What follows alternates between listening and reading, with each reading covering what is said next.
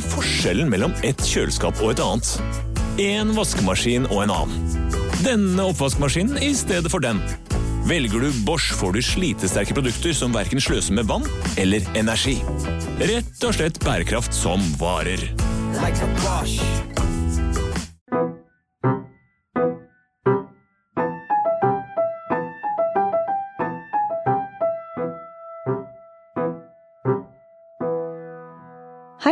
Og velkommen til podkasten Frilanslivet, en podkast av meg, Hanna von Bergen. Og meg, Kristina Skreiberg. Vårt mål med denne podkasten er å være en faglig og inspirerende kanal for alle dere som jobber for dere selv i medie-, kunst- og kulturbransjen. Dette her er siste episode før sommeren. Om du vil få beskjed når vi er tilbake, som er i midten av august, så kan du enten abonnere på podkasten i podkastappen, eller melde deg på vårt nyhetsbrev på frilanslivet.no, så vil du få beskjed om når vi er tilbake. Eller gjøre begge deler. Gjerne det. Ukens annonsør er regnskapsprogrammet Fiken. Både Kristine og jeg har brukt Fiken i mange år, og det er fordi Fiken gjør det enkelt å føre regnskapet selv. I Fiken så kan jeg nemlig sende fakturaer, ta bilde av kvitteringer med Fiken-appen, jeg kan levere moms og næringsoppgaven, og jeg kan gjøre alt fra samme sted. Det gjør frilanslivet mitt lettere, rett og slett. Vil du prøve Fiken gratis i 30 dager? Gå inn på fiken.no. Denne episoden er dedikert til dere helt ferske frilansere, som kanskje akkurat har begynt, eller har holdt på ett eller to eller tre år, men fortsatt kanskje syns at mye er overveldende. Som for eksempel hvordan skaffe seg oppdrag, hvordan holde motet oppe når ting er tøft, hvordan finne nettverk, og hvordan leve av kunsten sin, og hvilke forventninger kan man ha til honorarer i starten, og hvordan bygger man seg opp erfaring. Så den neste timen så skal vi besvare spørsmål vi har fått fra dere lyttere. Og til dere som har holdt på en stund, så vil dere nok også oppleve at mange av de temaene vi skal snakke om i dag, også er aktuelle for dere. For selv om frilanslivet ofte blir lettere med årene, med erfaring, med flere oppdrag og større nettverk, er disse temaene noe som vi alle kjenner på, i stor eller liten grad, gjennom hele frilanskarrieren. Å frilanse innebærer jo både å drive sin egen bedrift, orientere seg om sosiale rettigheter, skaffe oppdrag og utføre oppdragene, samtidig som man skal prøve å være sin egen HR-avdeling. Eh, Man er rett og slett et lite enkeltpersonsforetak, som jo navnet så korrekt henviser til. Så her er det mye å dykke ned i. Både det som kan være utfordrende, men også alt det som er så fantastisk med å frilanse. For det er jo veldig mye som er fantastisk. Og det tenker jeg er litt viktig å huske på. Fordi eh, jeg vet at når man starter ut, så er det mange som blinker sånne varsellamper rett fremfor deg. Bare sånn Vær forsiktig, tjener du penger, kommer dette til å gå bra? Um, og man får kanskje høre mer om hva som er utfordrende, enn alt som er så innmari gøy med å frilanse. Ja, og det er ikke noe gøy å bli demotivert før man en gang har satt i gang. Det er det ikke. Det jeg syns er fantastisk med å frilanse, er jo, og, og som er grunnen til at jeg begynte med det, er jo at jeg kan prege egen hverdag. At den aldri er lik. Og at jeg kjenner at jeg kan utvikle meg så mye, og velge liksom hvilken retning jeg har lyst til å utvikle meg i. Og ikke minst, i mange av prosjektene mine kan jeg velge hvem jeg har lyst til å jobbe med. Det er veldig fint. Ja. Hva med deg? Ja. Nei, jeg syns at det er utrolig mye som er gøy, og jeg husker når jeg starta, så var det en sånn ekstremt engasjement og eh, bare en sånn glede over å få skape. Eh, og få bli kjent med nye folk, eh, skape verdi for andre, skape eventer. At det var en veldig sånn stor kreativitet. At alt var mulig. Eh, så det, det kjenner jeg veldig på at det er veldig deilig å kunne tenke at jeg kan selv bestemme i en ganske stor grad hvordan jeg vil at arbeidslivet mitt skal se ut. Um, så det er liksom det her klassiske frihet, fleksibilitet, variasjon. Ja, de tre tingene betyr så utrolig mye for meg. Mm. Jeg ville ikke byttet det ut mot hvilken som helst jobb. vanskelig å si. Vi har jo tulla med at vi skulle gå inn i konsulentbransjen Ja. og få oss fast jobb og sånn. Men det skal mye til før vi gjør det. Absolutt. Ok, dere, nå hopper vi ut i det, eh, fordi det er jo veldig mye som er fantastisk, men det er mye som er krevende også. Eh, og en ting som eh, veldig mange av dere lurer på, som vi har fått masse spørsmål om, er dette med å skaffe seg kunder. Hvordan få kunder, hvordan komme seg inn i markedet, hvordan få sjansen til å bygge opp erfaring. Rett og slett hvordan på en måte etablere seg og få oppdrag, eh, ja, og kunne bygge seg videre. Og her kan jo et problem være at man ikke har nok å vise til, så det kan være litt vanskelig å få oppdrag, for du har ikke så mye å basere deg på, du har ikke så stor erfaring, liten portefølje, eh, du har kanskje ganske lite nettverk, siden man jo er ganske fersk, nyutdanna, og eh, eh, en annen ting som er som kommer igjen og igjen, er dette med dårlig betalte oppdrag. I tillegg så er det jo dette med eh, selvtilliten. At når man er helt fersk og ikke har gjort så mye, så kan det være litt skummelt å på en måte føle at jo, men dette mestrer jeg. Og det er ikke så rart at man kanskje ikke føler det fordi mestringsfølelse kommer jo ofte av erfaring. Mitt råd er å være skikkelig proaktiv. Og selv om jeg gir dette rådet, så betyr ikke det at dette her er lett. Men man kan ikke sitte og vente på at ting skal skje. Og jeg syns at vi har opplevd gang på gang at hvis ikke vi gjør noen ting, så skjer det heller ingenting. Og jeg tror det er litt viktig å ha det med seg når man går inn i frilanslivet, eller lever dette frilanslivet, at det er opp til deg, og det er du som skal skaffe disse oppdragene på godt og vondt. Og for min del så har det vært veldig mye på, på godt, fordi det gjør at du kan på en måte eh, høsle etter de oppdragene du har lyst til å ha. Altså de tingene du har lyst til å gjøre. Så du kan ikke sitte og vente på at ting skal skje. Du må selv ut og skaffe oppdrag. Ja. Men Også, hvordan? Ja, men hvordan, ja? For det tror jeg mange kan sitte og føle på at, at det ikke er så lett. Og her fins det jo ikke noe sånn dette er måten å gjøre det på. Jeg tenker jo også at hver bransje innenfor kultursektoren fungerer kanskje litt på sin egen måte. At kunstbransjen er kanskje litt annerledes enn filmbransjen, enn musikkbransjen. Så her er det jo både det å kunne snakke med så mange som mulig som faktisk jobber i bransjen. Det kan jo være tidligere lærere, det kan være noen du ser opp til, som du rett og slett spør om du kan ta en kaffe med, og spørre litt hvordan det funker. Hvordan har de skaffa seg oppdrag? Hvordan ser bransjen ut? Jeg husker at jeg gikk på et kurs i regi av Møst, Musikknettverk Østlandet, eh, som hadde en litt sånn ABC til musikkbransjen, hvor de gikk gjennom sånn Sånn fungerer eh, turnévirksomhet, sånn fungerer det å gi ut plate. Og da fikk jeg så utrolig mange sånn aha-øyeblikk. Fordi da fikk jeg plutselig en sånn Å ja, er det, å, er det sånn det funker? Så det tror jeg faktisk er ganske viktig å orientere seg om sin egen bransje. Ja, og, og med det også da involvere seg i den bransjen man er i. Og delta på faglige arrangementer, på foredrag, på frokostarrangementer. Hvor du både får eh, faglig påfyll, men du møter også andre mennesker. Det, det er et så godt råd for både det å skaffe oppdrag, men også skaffe nettverk, og de to tingene henger jo veldig tett sammen. Og her er det mange små, små steg. Det kan være å finne en Facebook-gruppe. Vi er begge medlemmer av noe som heter Unge lovende kulturkvinnenettverket. En er- veldig fin gruppe. Ja, hvis du er kvinne og i kultursektoren. Eh, og så finnes det jo ofte sånn bransjespesifikke Facebook-grupper også. Finn din fagorganisasjon, eller for eksempel Creo er jo en fagorganisasjon for hele kultursektoren. De har veldig mange bra arrangementer. Og vi skal ha noen arrangementer i løpet av det kommende året, så meld deg på nyhetsbrevet vårt. Så skal vi prøve å samle dere litt. Ja.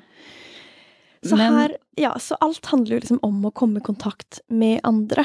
Vi har hatt en frilanser som har jobba for oss, som tok kontakt med oss via Instagram og spurte sånn Hei, har du tips til hvordan man skal få oppdrag? Det her er det jeg jobber med. Eh, si fra hvis dere trenger noen til å gjøre det.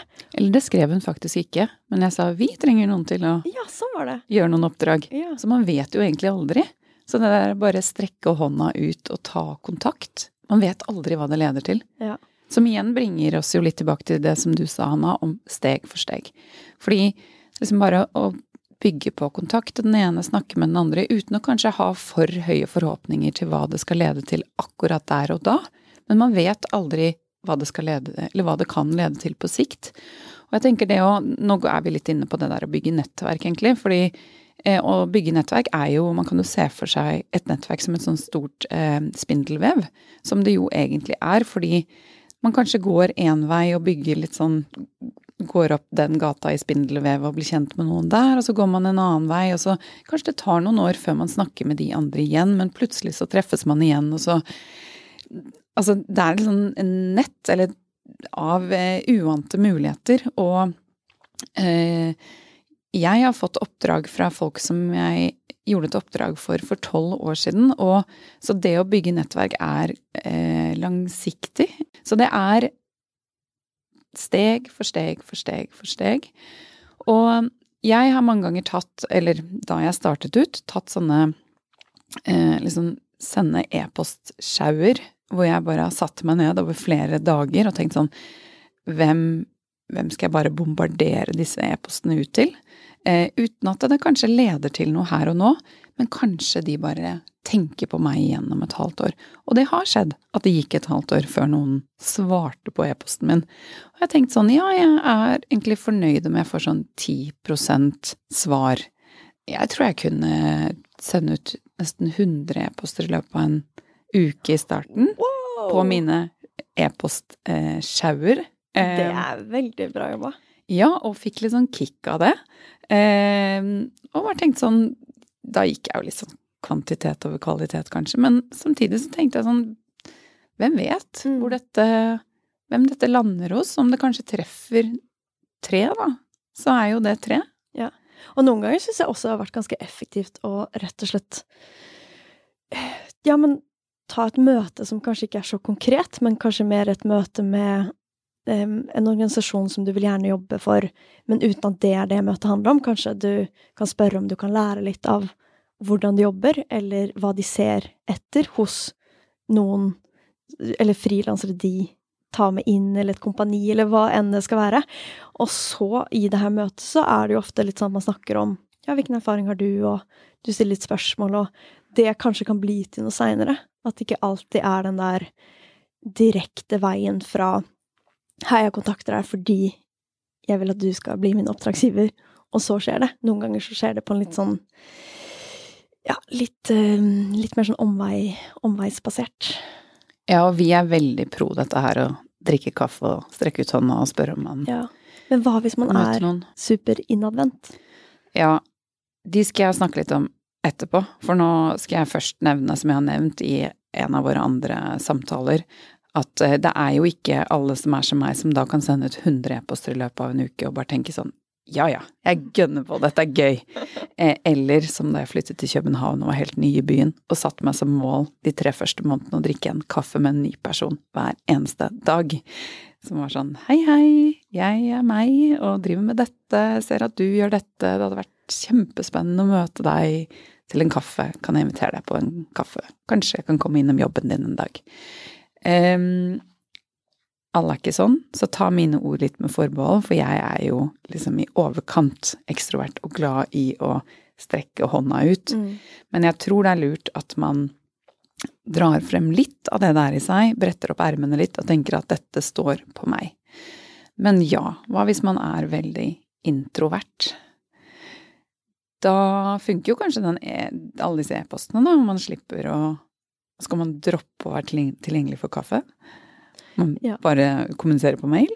Ja, og finne litt sin måte som man liker å jobbe med det man gjør. Jeg tenker at det finnes jo mange måter å skaffe inntekt på, og skaffe oppdrag.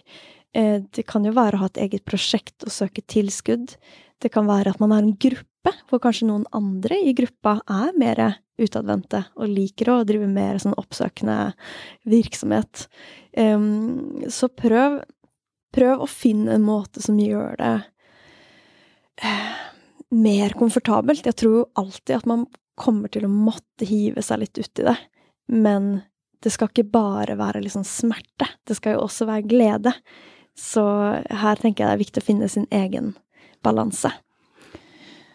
Men eh, Men jeg tenker at det kanskje kan være nyttig å høre at eh, man kan vri eller snu smerte om til glede. Eh, og det I starten så syns jeg det var ganske grusomt å ta opp telefonen og snakke med noen og følge opp en e-post jeg hadde sendt. Eh, enten litt sånn cold calling, at jeg bare 'hei, hei, jeg sendte deg en e-post', eller at de sa 'ja, la oss ta en prat på telefon'. Jeg syns det var veldig, veldig, veldig skummelt. Å kunne gå rundt i leiligheten min i flere timer og grue meg til å ta telefonen. Og nå syns jeg det er eh, hyggelig. Så det er noe med å øve seg og gå gradvis ut av sin egen komfortsone, sånn at du, den blir litt større. At du får en større komfortsone. Mm.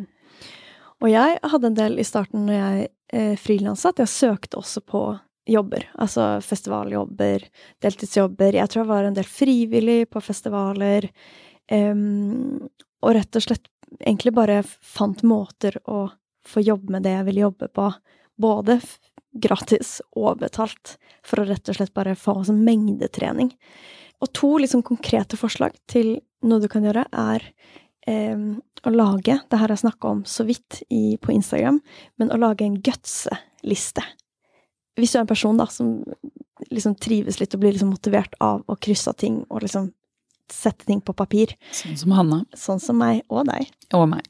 Mm. Um, og da har jeg lagd en gutseliste, som rett og slett er at jeg skriver ned når jeg gjør noe sånt, som å sende en mail, eh, spørre noen på kaffe, dra på et faglig arrangement. Så rett og slett at man skaper litt sånn shit, du får til masse. Det er ikke nødvendigvis at du får til masse kun i resultater, at det har blitt det oppdraget, men se på alt du har fått til av initiativ. Så det tenker jeg at man skal være liksom god på å klappe seg selv på skulderen og eh, se alle de her små stegene man tar. For ofte så glemmer man bort de, og kun fokuserer på liksom resultatet det gir. Og noe annet som jeg tenker også kan være litt spennende å gjøre, er at man enten legger ut liksom et stort papir, eller har det på dataen i noe sånn mindmap-aktig eh, ting, eller en liste, eller hvordan du vil, men rett og slett å ha en sånn eh, brain dump, altså å skrive ned alle du kommer på eh, organisasjoner, personer, arrangementer, grupper, eh, folk å følge. Rett og slett liksom lage et lite kart over hvor du prøver å bevege deg. Hvordan ser bransjen ut? Eh, fordi det også kan liksom åpne opp litt for å finne ut hvem du kan ta kontakt med, tenker jeg. Det syns jeg var et veldig godt råd. Og fordi når eh, jeg nå har nevnt at eh, jeg kunne sende e-post til 100 personer i løpet av denne uka, hvor jeg liksom Det var e-postuka mi, og jeg bare Nå går jeg i gang. Så tenker nok mange Men her er det 100 forskjellige folk å sende e-poster til. Ja, og hvor finner du de? Hvem er de? Og det er jo litt den metoden. At jeg bare Ok, nå må jeg bare eh, åpne opp, tenke litt stort. Eh, ja. Eh, jobbe sånn som du nettopp sa. Ja. Og kanskje hvis du møter en, spør den personen har du noen tips til andre jeg burde snakke med. Eller noen som kanskje er på utkikk etter noen som gjør det jeg gjør, eller eh, hva nå du på en måte leter etter, da. Så er det også en veldig fin måte å komme seg sånn videre i det her med å finne, finne veien. Og dette her er ganske gøy. Og for deg som tenker at dette ikke er gøy i det hele tatt, så det blir litt gøy for deg. Ja, også. det håper jeg på. Vi heier. Og gjerne allier deg med en felles liksom, En du har gått på studie med, eller noen du kanskje sitter på kontor sammen med, eller bare en venn som også frilanser. Det trenger jo ikke å være i samme bransje, men at man har noen som kanskje er med litt i den prosessen, da, med å heie og sette mål, og kanskje møtes en gang i uka og Dukke opp Ja. til alle kaffer sammen. bli med på alt. Bli med på alt. Gå Gjør alt i duo. Ja. Ja, men det er så viktig, da, for når man bare Jeg kan kjenne på det selv nå, at det å sitte helt alene og skulle være i sånn pitchemodus, sende mailer, ta kontakt, og dra seg selv i nakken, det kan være ganske tungt i visse perioder. Jeg er ikke en person som motiveres av motgang. Jeg vet at veldig mange, Ikke? Hvis de får avslag og sånn, så er det sånn 'Nå skal jeg vise dere! Jeg skal klare det!' Oi, Mens jeg er så sånn- Jeg blir sånn For dem. «Ah, Nei, det her går jo ikke bra. Å, helt enig. Sånn at eh, Ja, finn det som gir energi, og liksom klare å liksom surfe litt på de bølgene. Det tror jeg er viktig. Jeg er veldig mye bedre frilanser når jeg har litt sånn medvind, og så kan jeg liksom gønne på ut fra det. Og ofte kan det kjennes som at alt er imot en på samme tid, eller alt løsner på samme tid. Og det Sånn er det jo ofte litt. Eh, men det tror jeg er fordi når du da har begynt å gå i dette spindelvevet ditt, så plutselig så begynner ting å skje. Og det er en fantastisk deilig følelse. Ja, og husk å feire når du får disse små framstegene.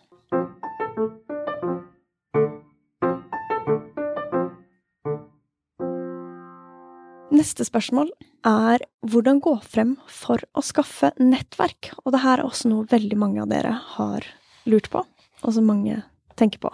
Og det er mange som føler på dette med å stå utenfor et miljø som de vil bli en del av, og at det er veldig sånn mystisk hvordan kommer man seg inn i bransjen? Hvordan blir man en del av den? Man ser liksom de der borte, man ser de i sosiale medier, man ser det i pressen. Man ser noen som har det innmari gøy, og så er man ikke med. Ja, og så skjønner man ikke ah, hvordan får man innpass? Og her er jo hver bransje kanskje litt forskjellig igjen. At visse bransjer er lettere enn andre, eller litt mer åpne enn andre. Um, og det her kan jo være veldig eh, frustrerende og vanskelig. Og jeg vet mange som kjenner på dette. Um, så hva Så vi går videre. Neste spørsmål. Fins ingenting man kan gjøre. Nei, Men- hva kan man gjøre? Ja, hvordan skaffe nettverk? Det her har vi faktisk tenkt å lage en helt egen episode om, for det er jo et veldig stort tema. Og det er litt sånn betent, dette med nettverk. At mange kan tenke sånn å, nettverket. Så liksom At man får litt avsmak av bare ordet. Ja, Men det handler jo om hvordan man møter andre mennesker, og hvordan man blir kjent med Hvordan man får flere bekjentskaper, rett og slett. Og jeg nyter veldig godt å ha et, hvis man skal kalle det da, et nettverk, men eller ha mange man kjenner, som man sier hei til på kafeen sin, eller når man kommer her i studio, eller møter noen kjente på en eller annen åpning, eller når man er på en restaurant, eller på gata, eller ja, ja, ja. det er lite som gjør meg Jo, det er mange ting som gjør meg like glad som det, men det gjør meg veldig, veldig glad. Mm. Noe jeg syns er veldig viktig når det gjelder å nettverke, så er det at man ikke rett og slett bare kommer og pitcher seg selv. Det at det ikke blir sånn salgsfølelse eh, over møtet man har, da, og at man kjenner litt sånn, man må kjenne etter litt stemninga. Er du nå på en fest? Er du på et faglig arrangement? Er det naturlig å på en måte begynne å si sånn jeg er den og gjør det og det, og dette kan jeg eh, Dette har jeg erfaring. Eller kanskje det er litt mer sånn løssluppen stemning hvor man kanskje bare skal snakke litt om andre ting, eller å gå ofte inn i et møte med å være nysgjerrig på den du møter. Ikke tenk 'hva kan jeg få ut av dette møtet', for da føler jeg ofte at det liksom preger veldig stemningen på det menneskemøtet, da. Og det er det man kanskje tenker om det å nettverke, at det handler om å liksom stå og snakke om jeg gjør dette, og jeg gjør dette, og skal vi gjøre dette sammen, og at det er en pitch. Men eh, jeg tenker jo at det handler først og fremst om å eh, ja, bli kjent med hverandre og få en eh, kjemi som man får med noen og ikke andre. Og ja, personlig kontakt og møter mellom mennesker. Og jeg, når jeg skal jobbe med andre mennesker, så går jeg for å jobbe med folk som jeg trives godt sammen med. Så den kjemien, den tenker jeg er eh, ja, kanskje ikke for alle viktigst, men for mange at det er der det oppstår. Og det er ofte der man finner den her felles knaggen, for det er jo ofte det man leter etter når man snakker med folk. Og det gjelder jo privat eller profesjonelt. Hvis du møter noen i bare en vennefest, så spør man liksom 'Å ja, hvem er det du kjenner her', eller 'hva gjør du', og 'hva syns du er gøy', eller 'Å, har du vært på det, har du hørt om det i nyhetene', eller hva enn man snakker om. Men så plutselig så finner man ut at begge elsker friluftsliv. Eller begge elsker brettspill, eller hva enn. Og da har man på en måte et tema som begge kikker på. Og litt det samme gjelder jo profesjonelt. Jeg tenker man skal gå til det egentlig ganske likt som man gjør med hvem som helst andre. Enig. Ja. Absolutt. Det er ikke noe mer hokus pokus på å være på et sånt eh, ja, frokosttreff eller faglig arrangement. Ja. Det man skal få oppdrag, og det med å nettverke. det er jo som Det er veldig sammenkoblet. Det er veldig sammenkoblet. Og egentlig så kan dere bare spole tilbake og høre på alt jeg sa om hvordan skaffe oppdrag. Og så er eh, ja, det svaret Ja, for Det det, å skaffe oppdrag og det nettverket er nesten det samme. Ja, jeg ville repetert det der med mailer og drikke kaffer og gå på alle arrangementene og på en måte tenkt at man skal inn og infiltrere på en måte bransjen litt. Og være nysgjerrig på den og kanskje bli kjent med et nytt menneske og ja, bare bevege seg litt i de miljøene. Og som du sa, ta gjerne med en venn og hold hånda til den vennen. Det er jo eh, litt lettere om man liksom Hei, skal vi dra sammen på dette? Mm. Men har du ingen venn, så gå alene. For kanskje du møter noen interessante folk. Absolutt. Og det er jo veldig mange som kommer alene på mm, disse liksom frokostmøtene eller mingle, mingletingene. Og Men jeg tror mange kan bli litt provosert over at eh, mye av det å få oppdrag skjer gjennom nettverk. absolutt. Men hvis man snur litt på det, så syns jeg også egentlig at det er ganske oppløftende at det med den derre mellommenneskelige kontakten er veldig viktig. Eh, og at det er en så viktig faktor i det å få oppdrag. At det ikke bare handler om på en måte hva du kan, eller at du pitcha så bra, eller at du Men at det, at det skjer noe, og at det har At det er verdifullt å investere i andre mennesker. Og være ute og møte andre mennesker. At det tilfører noe både kanskje til deg som menneske, men også arbeidslivet ditt. Jeg syns egentlig det er veldig fint. Ja, og det gir jo veldig mye mening at hvis noen trenger en eh, danser, da, eller fotograf, eh, så hvis man ikke vet om noen man vet er dyktig, eller som man vil spørre, så spør man andre som man kjenner i samme bransje, om de vet om noen. Eh, hvis ikke det er veldig sånn etablerte plattformer hvor du kan gå inn på nettside og søke opp frilansere. Og der er ikke vi så godt bevandra. Um, men jeg vet jo at visse bransjer så er det mer brukt enn andre. Så absolutt verdifullt å være eh, på de stedene også. Men ut ifra egen erfaring så skjer Altså, jeg tror det er sånn 95 er nettverk. Alle oppdragene jeg har fått, er nettverk. Og det er, er litt sånn Det funker. Ja, og om det ikke kanskje noen kan for min del ha startet uten nettverk, at jeg bare tok kontakt, pitcha en idé, spurte om vi kunne ta en prat, men så har jo det blitt til et nettverk. Ja, fordi de spør jo deg da fordi de har kjennskap til Det til er deg. så grei. Å, fantastisk. Ja. ja. men eller hvordan skal noen gi deg et oppdrag hvis de ikke vet at du eksisterer? Ja. Det er liksom bunnregelen her. Ja. De må vite at, At du, du finnes, ja. og hva du driver med, og hvilken verdi de tenker at du kan skape for dem. Ja. Og dette her Kanskje man sitter og tenker at åh, så kleint. Men det er bare sånn det er. Det Det skjer ingenting hvis man ikke gjør noen ting. Nei. Og veldig mange som vi også har snakka med i intervjuet i podkasten, er ikke nødvendigvis sånn at de har så Altså at de har nettside eller en stor uh, sosiale medie liksom, At det skjer masse på sosiale medier. Uh, de kan være ganske anonyme, sånn offentlig, men de har kanskje et nettverk litt sånn i det skjulte. Ja, eller at de hadde ett menneskemøte med en annen person som ledet til et samarbeid som varte lenge. Altså sånn hvor, hvor det er, kan, kan plutselig skje sånne vendepunkt. Litt som med kjærligheten, du vet aldri når den oppstår. Plutselig så står det et menneske foran deg. Da er det når du venter det minst, det er da det skjer. Da. Ja, så man sånn er det med nettverk. Ja, og jeg tror faktisk man skal ha de brillene på. At hvis man går inn i liksom, ja, med frokostmøtet, og så sitter man bakerst eh, med hendene i kors, og så snakker man ikke med noen, og så går man derfra etterpå. Ja, det, er ikke, det blir ikke så lett å møte noen på den måten. Og litt det samme er det jo med kjærligheten, at man må ha litt den der Må flagge ute, Ja. hørte jeg en si. Ja, det er en fin Mm. måte å si det på. Mm. Og når man da skaffer nettverk, så tenker jeg også at det er fint å ha en holdning om at det, em, en raushet. At det, ja, ta eh, ikke noe sånn henda i kors, men en imøtekommenhet, og at man deler av kanskje den erfaringen man har, hvis den personen trengte det. Altså deler av kontaktene sine, tenke at liksom vi vil hverandre vel. Det er en fin innstilling å ha i det å få et større nettverk. Absolutt. Og at du ikke vet hva som kommer ut av det. Og et godt eksempel er jo oss to. Vi har jo jobba sammen i Pecha Night Oslo, et uh, kulturevent.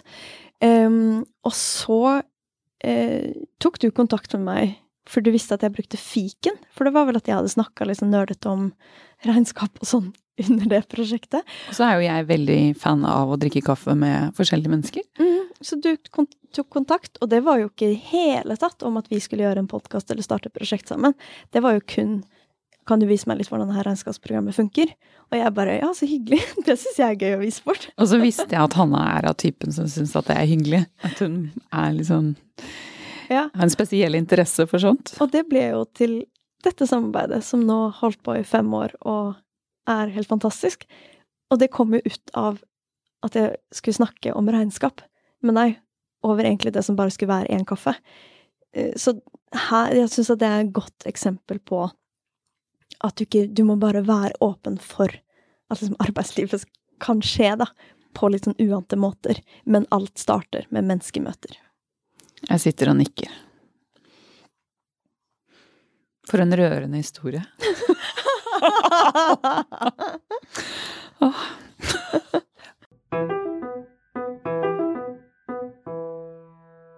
ok, vi går videre til neste spørsmål, som er Har dere noen tanker om hvor mange prosjekter som er smart å sjonglere på samme tid. Uh. I starten så, så, er man jo, eller er det lurt å være et ja-menneske.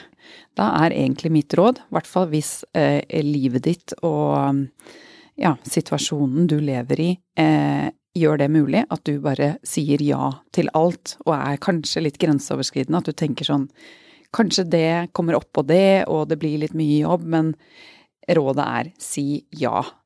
Um, og kanskje la det være litt kaos i starten, hvis det går for deg.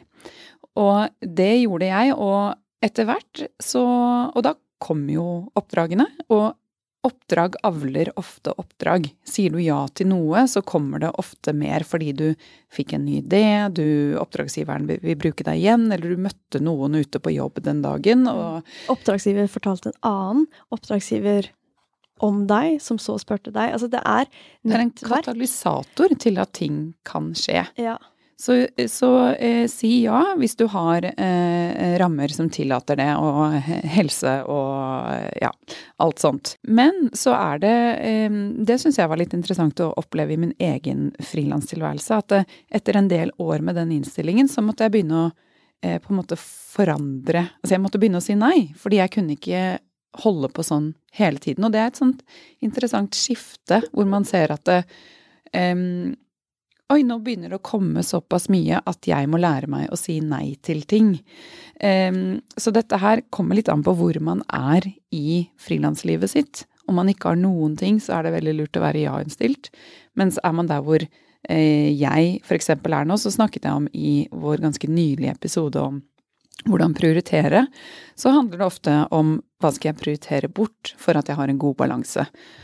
Og i den episoden så snakker jeg om at jeg har en sånn en, en egen regel som jeg har funnet et eller annet sted, vet ikke hvor, eh, om å ha åtte prosjekter gående samtidig. Men det er både jobbprosjekter og eh, livsstilsprosjekter, altså li livet mitt og alt annet jeg har i livet. Um, og der snakker vi veldig mye om at det er forskjell på å ha prosjekter som har veldig sånn faste deadlines, og de som er litt mer sånn flytende. For hvis du har åtte prosjekter med veldig sånn Det må Det eventet skal skje da. Da skal den leveres inn. Da er det sending av det, eller den forestillingen skal skje da. Da kan det bli kanskje veldig mye stress oppå hverandre. Men hvis noen prosjekter er mer sånn tidssensitive, og andre er litt mer flytende, så tror jeg det er lettere å kombinere flere. Og får du flere tidssensitive, at alle har en stram deadline, så liksom ta en runde med deg selv sånn Kommer jeg til å orke det? Eh, går det utover andre ting som er viktige for meg, som søvn, helse, venner, eh, hvordan jeg klarer å levere denne jobben? Og hvis du ser at det koster deg for mye, så tenker jeg at det, da er det viktig å også begrense seg og tenke jeg er happy med det ene oppdraget jeg har fått, og at man kommuniserer og er tydelig og sier Eh, jeg vil gjerne gjøre det for dere, men jeg kan først om én to måneder, hva enn det er. Eller hvis jeg får litt slakkere deadline på denne, så kan jeg kombinere det med det jeg allerede gjør. Ja. så snakk med oppdragsgiverne. Snakk med folk. Ja, og jeg tror ikke det finnes noen form fasit, fordi folk, eh, eller alle, vi er jo så forskjellige. Så for noen som kanskje liker å ha mange ulike ting, ting gående samtidig, så går det helt fint å ha masse prosjekter. Og jeg har gjerne hatt sånn mellom fire og seks jobbprosjekter samtidig. Men for andre så er det kanskje veldig stressende, og eh, man foretrekker kanskje heller å ha på en måte et halvt år med det store prosjektet som man jobber fulltid på. Eller at man eksempel har en deltidsjobb, sånn at man kan være mer eh, kresen da, på hvordan man legger opp eh, oppdragene man får, og hva man takker ja til. Og her tenker jeg jo også vi snakker litt om hvor mange prosjekter er smart å sjonglere på samme tid, men det henger jo litt sammen med hva man skal si ja og nei til. Og jeg er også veldig tilhenger at man i starten egentlig sier så mye ja som man føler at man kan og vil.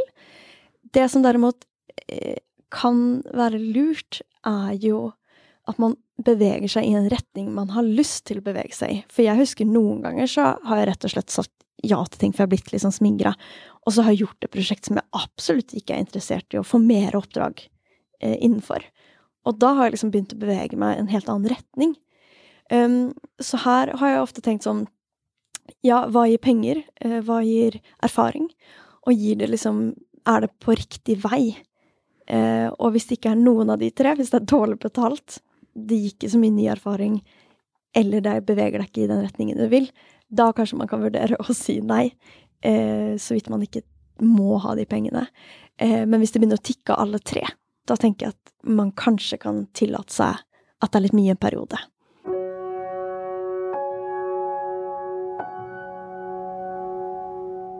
Ukens annonsør er Sparebankstiftelsen DNB. De gir støtte til tiltak til glede for barn og unge inntil 25 år. Sparebankstiftelsen oppfordrer flere organisasjoner til å søke støtte til prosjekter som formidler kunst til barn og unge. Det kan være aktiviteter som foregår i skoletiden eller på fritiden. Kjenner du til et prosjekt som trenger støtte? Du finner mer informasjon på sparebankstiftelsen.no. Søknadsfristene er 1. april, 1. september og 1. desember.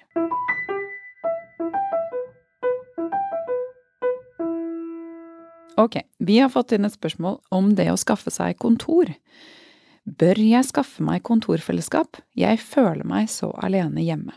En annen sier jeg skulle ønske det fantes et sted å sitte gratis med andre på dagtid. Og det tror jeg mange kjenner seg igjen i, den eh, ensomhetsfølelsen. Eh, og da jeg startet, så tok det et år før jeg skaffet meg kontor. Og jeg følte nesten litt som at jeg ikke helt var en del av arbeidslivet. At jeg, at jeg bare satt og jobba inni min, mitt eget soverom i leiligheten min. Sånn jeg har følt de siste to årene i Sverige nå. og, og, at det å gå på butikken på ettermiddagen for å kjøpe noe middag, hvor da kanskje fyren i butikken er den første jeg snakker med i løpet av den dagen, og det egentlig ikke hadde noen grunn til å ta på meg noen normale klær, og så man kan bli litt sånn ko-ko av å leve sånn. Så jeg skjønner det veldig godt at folk spør om det her. Og ja, komme seg ut av pysjbuksa og ut blant mennesker, tror jeg er noe mange kan ha glede av. Så mitt råd er yes, skaff kontor. Mm. Og jeg tror det er utrolig mye å hente fra å ha et kontorfellesskap. Og jeg tror også at mange kan sitte og kjenne litt på ah, men det koster veldig mye. Du er nettopp ferdig utdanna, eh, får ganske dårlig betalte jobb, du får en del jobber som ikke er betalte.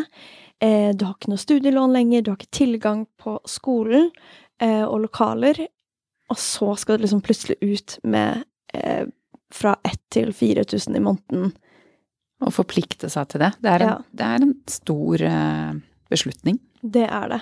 Og så finnes det jo litt forskjellige løsninger, hvor noen steder har sånn én til to dagers dagersplasser i uka, eh, som er mer sånn fleksi, og du kommer når du da trenger en plass. Mm. Eh, mens andre steder så har du din faste plass, og du sitter der hver dag. Ja.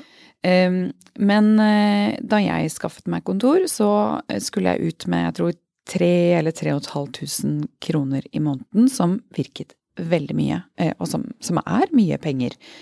Men det jeg opplevde, er at gå på kontoret skapte struktur i arbeidslivet mitt.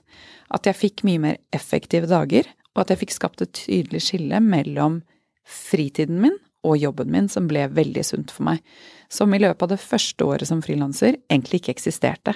Hvis jeg ikke hadde noen planer, så satt jeg egentlig bare utover og jobbet eller eh, skrev eller lagde hjemmeside eller gjorde et eller annet som på en måte ledet meg til målet. Som jo også er fint og også har en sjarm. Men når man kjenner at nå er jeg klar til å gå ut av den hulen, så eh, var det utrolig godt å da få struktur og ikke minst få et nettverk, møte andre mennesker og føle at jeg var en del av noe. En del av en slags sånn puls. Jeg var en del av et eh, miljø, et arbeidsliv, hørte om ting, kunne dele ting, kunne utveksle erfaringer. Eh, som igjen skaper nettverk. Eh, og oppdrag. Og oppdrag. Og jeg syns derfor at eh, det jeg betalte, det betalte seg i form av at jeg kanskje fikk da, ja, flere oppdrag. Eh, at jeg fikk mer kompetanse via de andre, og at jeg fikk et sunnere arbeidsliv. Mm.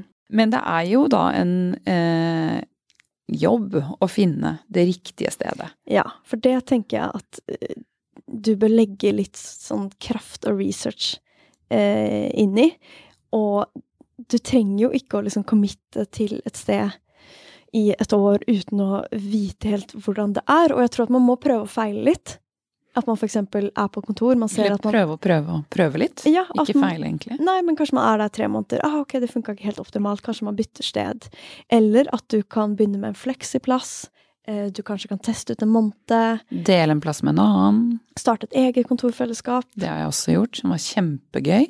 Så jeg tror at det fins veldig mange måter, og hvis du ikke har råd til kontor, Eh, så tenker jeg også at du kan kanskje på Facebook, hvis man har en gruppe i bransjen sin, eh, spørre hei, hva med at vi en gang i uka eller en gang i måneden møtes på den kafeen? Eh, eller og sitter der. Kristine har på torsdager yoga på Factory Tøyen, der vi sitter. Og så kan man sitte gratis resten av dagen på Factory Tøyen. Så det fins jo litt sånn alternative måter å opprette et slags kontorfellesskap, hvis du ikke har råd til et fast kontor. Og bare det å komme seg da ut én dag i løpet av en uke, skaper også en del struktur. For da kan du kanskje ha en annen dag som er mer sånn ut og gå i møter, eller ute på oppdrag, eller gjøre det du driver med, tjene penger på. Mm. Eh, og så er det, da kan det jo være godt å ha noen dager hjemme. Så frem til ikke alle dager blir like, og alle dager er hjemme. Men ja, det er en, som Hanna nevnte nå, bruke litt tid på det. Eh, fordi det innebærer jo å finne sine egne kollegaer, og det er noe av det Altså, det er fantastisk ved å frilanse at du kan finne dine egne kollegaer, men det innebærer jo en eh, jobb, og det å skaffe seg kontor, det er jo vel så mye eh, menneskene som er på det kontoret, at du har lyst til å møte de hver dag. Og du kan ha forskjellige behov i løpet av frilanslivet for kanskje ett form for kontor i løpet av noen år, og kanskje senere i frilanslivet, så er det kanskje et helt annet miljø du trenger. Og det er jo veldig fint å kunne variere og veksle og møte nye mennesker, og ikke minst utvide nettverket sitt på den måten. Absolutt. Ofte har et sånt her kontorfellesskap eh, noen sosiale treff, og jeg vil virkelig anbefale å dra på de, for det er ikke alltid superlett å kanskje bare bli kjent med noen i gangen eh, når du henger av deg jakka, eller liksom over kaffemaskinen. Eh, det, noen steder har felles lunsj, som er veldig hyggelig, men ganske mange har en sånn her ja, men afterwork en fredag i måneden, eller at de har et arrangement som skjer på kontoret. Og det er ofte via de arrangementene hvor jeg i hvert fall personlig syns det er kanskje lettere å bli kjent med noen som man i etterkant eh, begynner å snakke med eh, på kontoret. Ja, og på mange kontorfellesskap så sitter folk ganske busy og bare jobber og jobber og jobber. Eh, som jo gjør at du kanskje ikke får så mye nye hei, kontakter. Hei, hei. Men eh, nesten alle vil ha kontakt med andre. Ellers så hadde de sittet hjemme, tenker jeg.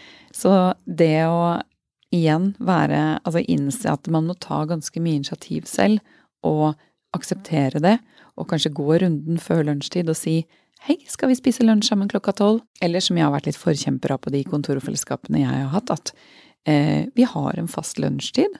Da spiser vi alle sammen, alle som vil være med, og da kan man prate og dele og ja, og så jobber vi resten av tiden. Så prøv å skape litt sånn rammer som du har lyst til å ha, og foreslå de for andre. Mm.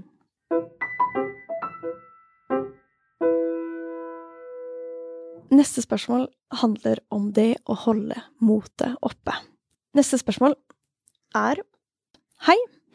Går straks inn i mitt andre år som frilans musikalartist, og dette første året har vært et rent kaos økonomisk, fysisk og jobbmessig. Har dere noen tips til å holde motet oppe når man ikke føler man har klart å holde seg like aktiv, kreativt, som resten av sitt skolekull? Og har vært vanskelig å ikke få audition, og har vært mye syk i stemme og kropp, som igjen har satt en stopper for å holde seg i gang. Noen tips til å bygge seg opp igjen, eller generelt ikke sammenligne seg med andre. Elsker podkasten deres, forresten. Og så har vi fått en annen. Skulle ønske man kunne samarbeide og gjøre hverandre gode og bedre, fremfor å tenke konkurrenter og fiender. Ja, hva tenker du, Kristina, om disse her to? Jeg tenker at eh, det er viktig å skjerme seg fra det som ikke gjør en så veldig godt, som i perioder kan være eksempel sosiale medier, å bli eksponert for hva alle andre gjør, og um, ha litt tydelige rammer på det. Så hvis man kjenner at det tilfører ikke meg noe i akkurat den perioden jeg er i, så må jeg begrense det. Eh, fordi du ser bare alle andres, som vi alle vet, alle andres oppturer eh, og beste øyeblikk, stort sett, på eksempel Instagram. Og jeg tenker også at det er veldig lurt å være bevisst på de du omgir deg med, og de du lar slippe innpå deg i perioder som hvor du har motgang, eller du starter på noe nytt, eller du er litt ekstra sårbar. Eh, og omgi deg med folk som virkelig vil deg vel, og heier på deg, og som kanskje gir deg feedback og tilbakemeldinger som ikke alltid er de du vil høre, men som er konstruktive for deg. For man kan jo noen ganger føle at man er rundt folk som ikke helt skjønner hva du vil, og skjønner, skjønner deg. Og som kommer med liksom, Er du sikker på at du vil det, og kommer dette til å gå bra, og alle disse varsellampene som det er mer enn nok av. Men de kommer veldig ofte fra folk som selv aldri har prøvd å gjøre det du prøver å gjøre. Og hvis de selv aldri har prøvd å gjøre noe du vil gjøre, så er det litt meningsløst å få masse feedback eller kritikk, eller bare sånn Å, er du sikker på at det der vil funke, eller Mm, Kanskje fra bare, dem. Kanskje bare skaffe deg en jobb. Ja. Hvor mye tjener du egentlig? Kom, kommer det her til å gå? Er ikke dette veldig usikkert? Og det kan ta veldig på å få veldig mange sånne kommentarer. Og du vil høre dem, enten du vil eller ei, fordi de bare kommer. Men husk på at de kommer fra folk som ikke har prøvd, som kanskje Kanskje du også trigger noe i dem, som tenker Oi, det hadde vært spennende, men de har en tanke om at det er for vanskelig eller for uforutsigbart, eller du vil ikke tjene penger. Og så speiler de det mot deg. Så ta det der med en klype salt. Mm. Og jeg har vært så utrolig provosert over litt sånn kul og sur holdningen i kultursektoren. Eh, som jeg opplevde at ganske mange har. Eh, også følt at man liksom Alle driver med så kule ting. Man er litt sånn nonsjalant og Ja, det er litt vanskelig å være sånn åpen og hyggelig og heie på hverandre. Og veldig fan av de som tør å være sånn transparente. Og vi har jo snakka om et møte vi har hatt med en oppdragsgiver som leda en festival. Som rett og slett til oss, når vi skulle snakke om hvilke foredrag som vi skulle ha, så var hun veldig sånn hyggelig. Vi skjønte at hun hadde, eh, var veldig ressurssterk og fikk til masse kult. Men hun snakka også om at åh, det her er faktisk litt vanskelig med å drive Veldig festival. vanskelig. Det Ja, var veldig mye som var vanskelig. Ja, det er motgang og alt det her. Og jeg har hatt flere faktisk oppdragsgivere som har vært veldig ærlige om um, at ting også er tøft. Og det har ikke gitt meg um, mistillit. Det har heller gitt meg mer tillit til den personen. Og det er så fantastisk å føle at man kan ha et profesjonelt arbeidsmøte, men allikevel være liksom personlig i det møtet. Og ikke late som. Ja, så finn de som er gode på å heie, og vær en som heier, og det her har vi snakka om tidligere. Men det her henger også sammen med nettverk og skaffe oppdrag, og det her med å holde motet oppe. Vær også den personen som på Facebook kanskje tipser om noen andre. At ja, jeg vet om en som kanskje kunne passet til det oppdraget, eller hvis noen gjør et eget prosjekt, så vær det en sånn del og inviterer folk til eventet, eller hva enn det er. For jeg tror at det også måte, det bygger opp om en kultur da, som man ønsker å ha i eh, kultur, kulturlivet. Ja. Kul og sur, det er ikke vår greie. Nei. Blid og Bli og ukul, nei da. Bli, ja, bli. Kul og blid. Kul å bli. Håper det. Og i krevende perioder, vær gjerne bevisst på å gjøre gode ting for deg selv. Altså, pakk deg inn i ulltepper, ta en fridag, slå av telefonen, les en god bok, hør på god musikk og dans. Eh, altså, for det er ikke alltid, eller i alle perioder, eller hver dag, du trenger å gå for de store målene og drømmene og gå ut av komfortsonen. Noen dager så kanskje du trenger, eller i noen lange perioder også, trenger å bare gjøre ting som kjennes lett. Og det er jo ofte hvis man har strukket seg veldig langt over lang tid, så trenger man også bare strekke strikken tilbake igjen. Mm. Eh, og tillate seg det, for vi kan ikke strekke oss hele tiden. Ja, og jeg tenker til den første som på en måte har slitt litt med å være syk og hatt litt sånn kaosår, eh, og det der til å ikke sammenligne, seg med andre og bygge seg opp igjen, så er det jo også Du har jo kanskje da vært gjennom noe mye tøffere enn de du har studert med, som kanskje det gikk veldig sånn smooth for, eller at noen havna inn på en jobb tilfeldig og eh, ikke hatt samme utfordringer. Så også vær litt snill med deg selv i forhold til hva du får til ut ifra eh, de premissene du har, ut ifra den kroppen du har, eh, ut ifra ja, nettverket, altså alt mulig. Vi er alle forskjellige og har ulike typer utfordringer. Eh, sånn at det der med å liksom ikke ha så strenge krav til seg selv, og bare se på de andre at ja, men de får det til. Eh, men tenk hva du har vært gjennom. Shit, som du har jobba og stått på. Og nå står du her, og eh, ja, du klarer å liksom stå i det. Og noen ganger så er jo det mye større enn å kanskje liksom nå den toppen, er rett og slett å klare å kravle seg ut av det hølet. At det er en større bragd.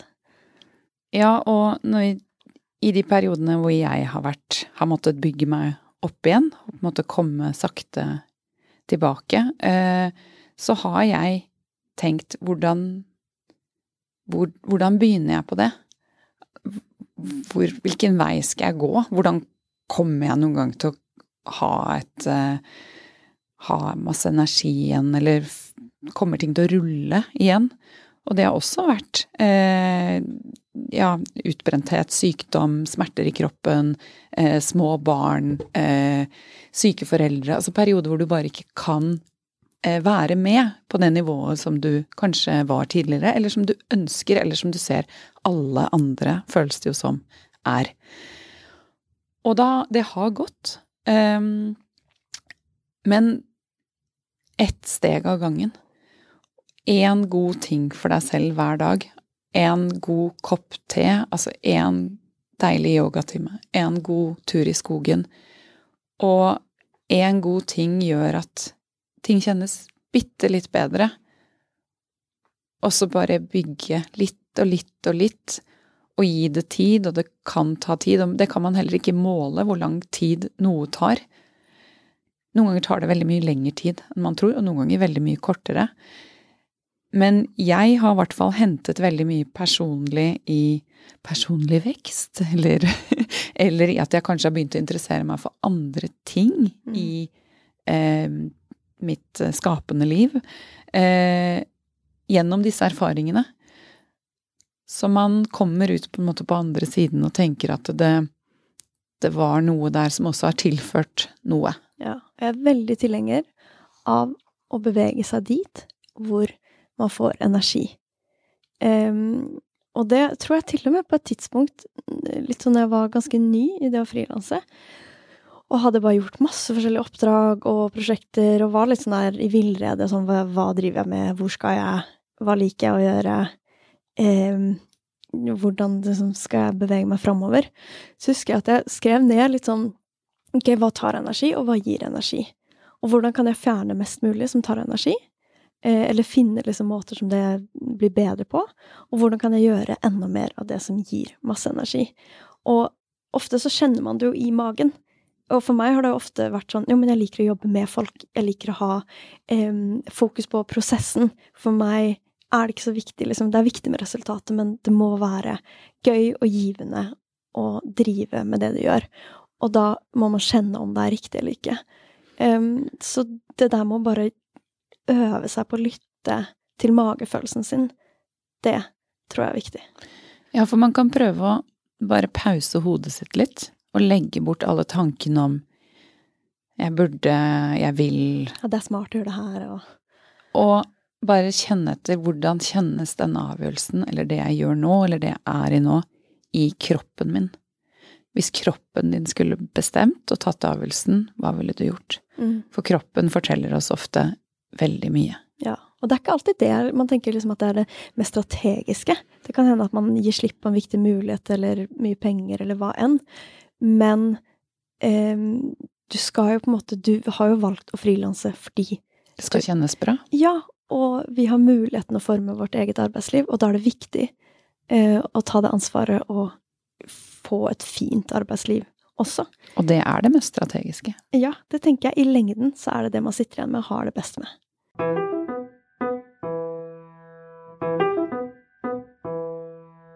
Ok, dere. Neste spørsmål. Hva skal man kalle seg? Innsender har skrevet. Jeg har mastergrad innen teater og har de siste årene forsøkt å etablere meg som scenekunstprodusent og scenograf, men syns fremdeles det er ekkelt å kalle meg disse tingene. Det siste året har jeg hatt såpass mange oppdrag at jeg innimellom faktisk klarer å kalle meg en arbeidstittel, typ produsent, men kjenner fremdeles at det knyter seg litt i magen og at jeg ikke helt klarer å eie det. For jeg har jo ikke all verdens med erfaring ennå. Når kan man kalle seg noe? Helt i starten sa jeg at jeg var i etableringsfasen, og nå føler jeg at jeg er litt mer på vei, men likevel ikke helt fremme i en stødig tittel om hva jeg er. Når blir man trygg på sånt? Når er man noe? Er det når man kaller seg det selv, eller når andre introduserer deg som det? Åh, det her syns jeg er et bra spørsmål. Og dette er så gøy! Vi har Ja. en egen episode, vi, om å være potet, og det å Og vi snakker mye om det å ha mange titler. Ja, og det her Og hva gjør man med det? treffer meg utrolig godt, fordi det her har jeg slitt veldig mye med selv. Uh, og jeg tror det er lettere for de som tar en utdannelse i liksom Ok, du tar en utdannelse som fotograf eller som skuespiller. Og da tenker jeg liksom at ja, men det er det du er utdanna til, og det er det du jobber med. Og jeg tenker jo at selv om man har en deltidsjobb på 70% men egentlig, hvis man vil drive med uh, fotografi, da, og kjenner at det er det jeg vil være, så syns jeg at man skal gå og kalle seg det. Men, hun her har jo en mastergrad innen teater. Ja, og da tenker jeg liksom at da skal du bare eie det. Du skal eie det. Ja. Og, og Og hun er jo ikke noe potet, egentlig. Litt som, vi, som jeg refererte til nå, en episode hvor vi snakker om å være selvlært i veldig mange forskjellige ting. Det her er jo um, absolutt ikke det. Man vil jo alltid være selvlært i noe innenfor feltet sitt og utvikle seg videre, men eh, Og uansett, egentlig, så tenker jeg at man bare skal eie det. absolutt. Men det fins på en måte ulike utfordringer innenfor det her. Én ting er det mentale, om man føler at ja, men jeg har ikke nok erfaring. Og det kan jo være spesielt vanskelig om man kanskje ikke har tatt en utdannelse innenfor det, men kanskje holdt på med kunst så lenge at man på en måte Jo, men jeg er kunstner, men kan jeg virkelig si det? En annen ting er jo hvis man tar en utdannelse som er litt mer sånn Sånn som jeg har gått noe som heter Kaospilotene. Altså blir en kaospilot. Det er sånn helt kryptisk, hva er det for noe? Eh, og har hatt samme utfordring med at jeg kanskje er produsent i et prosjekt, er prosjektleder i et annet prosjekt, gjør et eget prosjekt. Hva er man da? Da gjør man jo alt mulig. Eh, er jeg journalist når jeg driver med podkast, altså hva skal jeg kalle meg? Så jeg har hatt samme utfordring og syns det der er eh, veldig vanskelig. Um, og da har jeg rett og slett veid litt hvem jeg møter, i forhold til hva jeg kaller meg. Og litt sånn hva vil du helst drive med? sånn som jeg har vært litt bevisst på å kanskje ikke si produsent, fordi det er ikke en rolle som jeg har lyst på enda mer av, men kanskje at jeg da heller har sagt prosjektleder. Og du det siste året har jo egentlig begynt å eie en ny tittel, Yes. som er kulturentreprenør. Ja, som også er litt sånn hva er det for noe, kan jo kanskje mange lure på. Og det kan være en fordel og en ulempe. At folk er sånn ah, Er det litt sånn Jeg tenker sånn, er det litt vel fint å si det? Eller sånn, hva betyr det egentlig? Er det litt pompøst? Ja, Liksom, Og hva, hva er det? Men for meg så handler det om at jeg frilanser i veldig stor grad med å skape egne prosjekter. Og jeg har tatt en master i innovasjon og entreprenørskap, men jeg jobber kun i kultursektoren med å egentlig ja, starte ting. jeg syns det er veldig beskrivende for deg. Ja, så jeg syns at den tittelen er noe jeg fant som jeg syns passer meg, selv om ikke jeg har noe sånn formelt, liksom Det er ikke en utdannelse jeg har tatt som kulturentreprenør, men jeg syns den passer, da. Og det er det jeg vil jobbe som, og da tenker jeg at da kaller jeg meg det. Yes. Og ingen ville tenkt sånn Hvem er hun til å ta den tittelen der? Mm. Altså, i så fall er det jo en nysgjerrighet sånn Å, hva innebærer det? Hva- er det? Hva er man da? Og til spørsmålet her, får man tittelen når man kaller seg det selv, eller skal man vente til andre introduserer deg som det? Og jeg tenker at man ikke kan vente på andre, fordi det blir helt sånn eh, tilfeldig. Noen kan jo bare kalle deg litt sånn hva som helst, og de trenger jo din veiledning i hva de skal kalle deg, og jo tydeligere man er på hva du vil at andre skal kalle deg, og hva du vil at du er, og beskrive hva du jobber med, jo lettere blir det for alle andre. Og jeg tror ingen ville reagert om innsender her hadde kalt seg scenekunstprodusent og scenograf. Hun hadde en tittel her i tillegg til den scenografen, men jeg, vi tenkte at vi skulle gjøre det litt anonymt. Men jeg tror ingen ville reagert om innsender hadde begynt å kalle seg det her, selv om man kanskje er i etableringsfasen eller er på vei et sted. Absolutt. Eh, Så det skal du bare eie. Jeg tror den eneste fellen man kan gå i, er å kanskje ta litt vel mange titler. Eh, hvis du jobber litt som skuespiller, men også koreograf, men også produsent, men også på en måte fotograf, og av og til liksom med noe annet, og markedsføring. Altså da kan det kanskje bli litt sånn, oi, litt ullent for folk. Så der tenker jeg at man Noen ganger kan man si én tittel til noen, men andre ganger kan man si en annen tittel til noen til noen andre, i forhold til hvilken type møte det er. Ja, og lurer du på det, da tenker jeg du bør høre på den potetepisoden vår, som er ganske langt tilbake i spillelista. Men her så har jo vedkommende to titler som er veldig relatert. Og ja, igjen, mastergrad i teater. Altså, Nei. Kjør på. jeg håper jeg møter deg på fest, og du sier akkurat det her. Ja. Ja. Enig. Og hvis du har en litt sånn eh, spesiell tittel, jeg kunne godt sagt at uh, jeg er kaospilot. Eh, nå føler ikke jeg meg helt komfortabel med å på en måte eie den tittelen, men jeg vet jo om flere som har tatt det studiet, og rett og slett sier at de er det. Og da får man jo i gang en samtale. Kaospilot, hva er det for noe? Så da har man jo også anledningen til å eie litt hvilke innhold man setter på tittelen. Så jeg tenker at det der kan man bruke litt til sin egen fordel, hvis man kanskje har en litt en tittel som ikke er så kjent for andre. Ja, og når man snakker med andre, eller når man beskriver hva man gjør, så trenger man jo språket til hjelp. Vi trenger ord, vi trenger navn, vi trenger titler. Dessverre. Eh, Men det gjør det jo lettere, så jeg tenker at det bare er forklarende. Ja. Og ofte så kan jeg begynne med Ja, men jeg jobber som kulturentreprenør. Jeg har for eksempel en podkast eh, for frilansere i kultursektoren. Eller jeg har starta et kunst- og håndverksmarked. At man rett og slett putter noe etter tittelen for at folk skal skjønne. Og noen ganger hvis jeg møter noen i familieselskap, så kanskje jeg bare sier sånn Jeg lager kulturarrangementer. Fordi at jeg tenker at eh, det andre blir så, blir så mye, liksom. Ja, de eldre i min familie, de vet ikke hva podkast er. Men jeg skjønner ikke, så jeg begynte å kalle det radio. Jeg lager radio. Så jeg tenker at uh, Bruke det språket som Ja. som passer til mottakere. Mm. Kjære AI-assistent. Jeg sliter med å sette av tid til å følge opp kundene mine, og nå har de søren meg sluttet å betale. Hva gjør jeg nå? Med Amili, en ny helhetlig løsning fra Visma, kan du automatisere bort de kjipe oppgavene og tilpasse fakturering og betalingsoppfølging for hver enkelt kunde. Og det beste av alt, du får raskere betalt. Amili? La meg sjekke. Amili.no. Yes.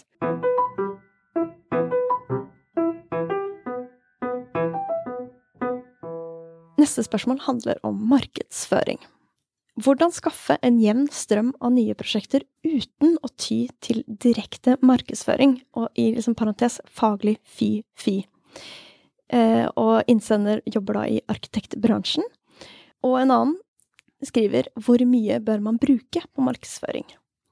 Og det her med å synes og det å markedsføre seg selv, det vet jeg at mange syns er vanskelig. Fordi at som utøver i kultursektoren, så føles det veldig ut som at du sier sånn Se på meg, se på meg. Eh, mens kanskje om du har et prosjekt, så er det litt mer sånn se på prosjektet, se på prosjektet. At det kan være litt lettere. Eh, og i visse bransjer, så i visse bransjer, som hen, som har sendt inn eh, det første spørsmålet, så kan det oppleves litt som at man, eh, man Det er ikke helt At man skryter, kanskje? Ja, jeg vet ikke. At det ikke er sånn fin måte å gjøre det på, eller ja. Jeg vet ikke helt hvorfor det er fy-fy å gjøre det. Nei, jeg tenkte sånn da dette kom. Faglig fy-fy. Jeg, skjønner egentlig ikke hva personen mener. Um, men jeg regner jo med at man ikke skal stikke hodet for mye frem og skryte og vise seg frem. Men samtidig så er det det som gjør at folk tenker oi, så kult! Det er relevant informasjon kanskje for den, en av de som ser det. Kanskje jeg vil bruke den eller ta kontakt med den til neste gang jeg skal tegne en hytte eller et soverom eller hva enn. Mm. Ja, og jeg tenker litt sånn her at eh, måten man markedsfører noe på, har veldig mye å si. For hvis du sier liksom sånn um, ja, liksom Hvis du bare viser frem resultat, så er det jo ikke sikkert at det Det kanskje oppleves litt skrytete, men det er jo mulig å vise frem prosess, eller hva du har lært deg, eller at 'å, shit, det her syns jeg er så spennende', fordi jeg interesserer meg for det og det, eh, liksom ved et bilde eller video. Så jeg tenker at det finnes veldig mange måter å markedsføre seg selv på uten at det kun er eh, 'se på meg, se på meg'-stil, eh, da. Ja, og man kan jo, hvis man kanskje har lagt ut prosjektet på nettsiden i et, kanskje et nyhetsbrev, eller eh, på Instagram, Facebook, og gjort det én gang med disse bildene av denne, jeg vet ikke, dette hus eh, denne personen har laget, tegnet, eh, så kan man jo tenke litt sånn ok, hva Nå har jeg gjort det én gang, jeg har ikke mer å si. Og som du nevner, Hanna, så er det ofte mange historier å fortelle. Eh, som Hva er det folk ville spurt om når man møter deg på fest? Om den prosessen. Hvordan jobber du?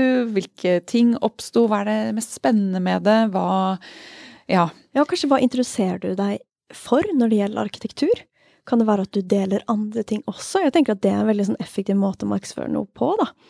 Eh, at man også viser liksom det faglige eh, interesseområdet, faglig kunnskap man sitter på.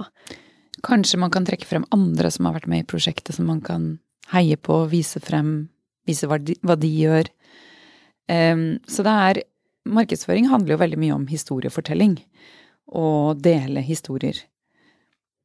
Og hvis du syns det er faglig fy-fy Jeg tenker at Altså, det er jo interessant, Nå er det jo litt vanskelig å uttale seg spesifikt om det, fordi vi ikke jobber i arkitektbransjen, men eh, snakk med folk, og forstå liksom hvordan ser folk på det her, hvorfor er det fy-fy, eller sånn, hva kommer det av, fins det en annen måte som man kan gjøre det, hvordan, og først og fremst, hvem ønsker du å nå, og hvordan reagerer de?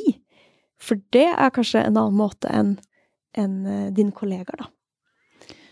Det kan jo hende dette handler litt om janteloven. At det er skummelt å stikke hodet frem og vise hva man har gjort, og vise at man er litt stolt av det man har gjort. Men samtidig, dere som lytter til denne podkasten her, dere legger så mye kraft og energi og svette og tårer og glede og skaperkraft inn i det dere driver med.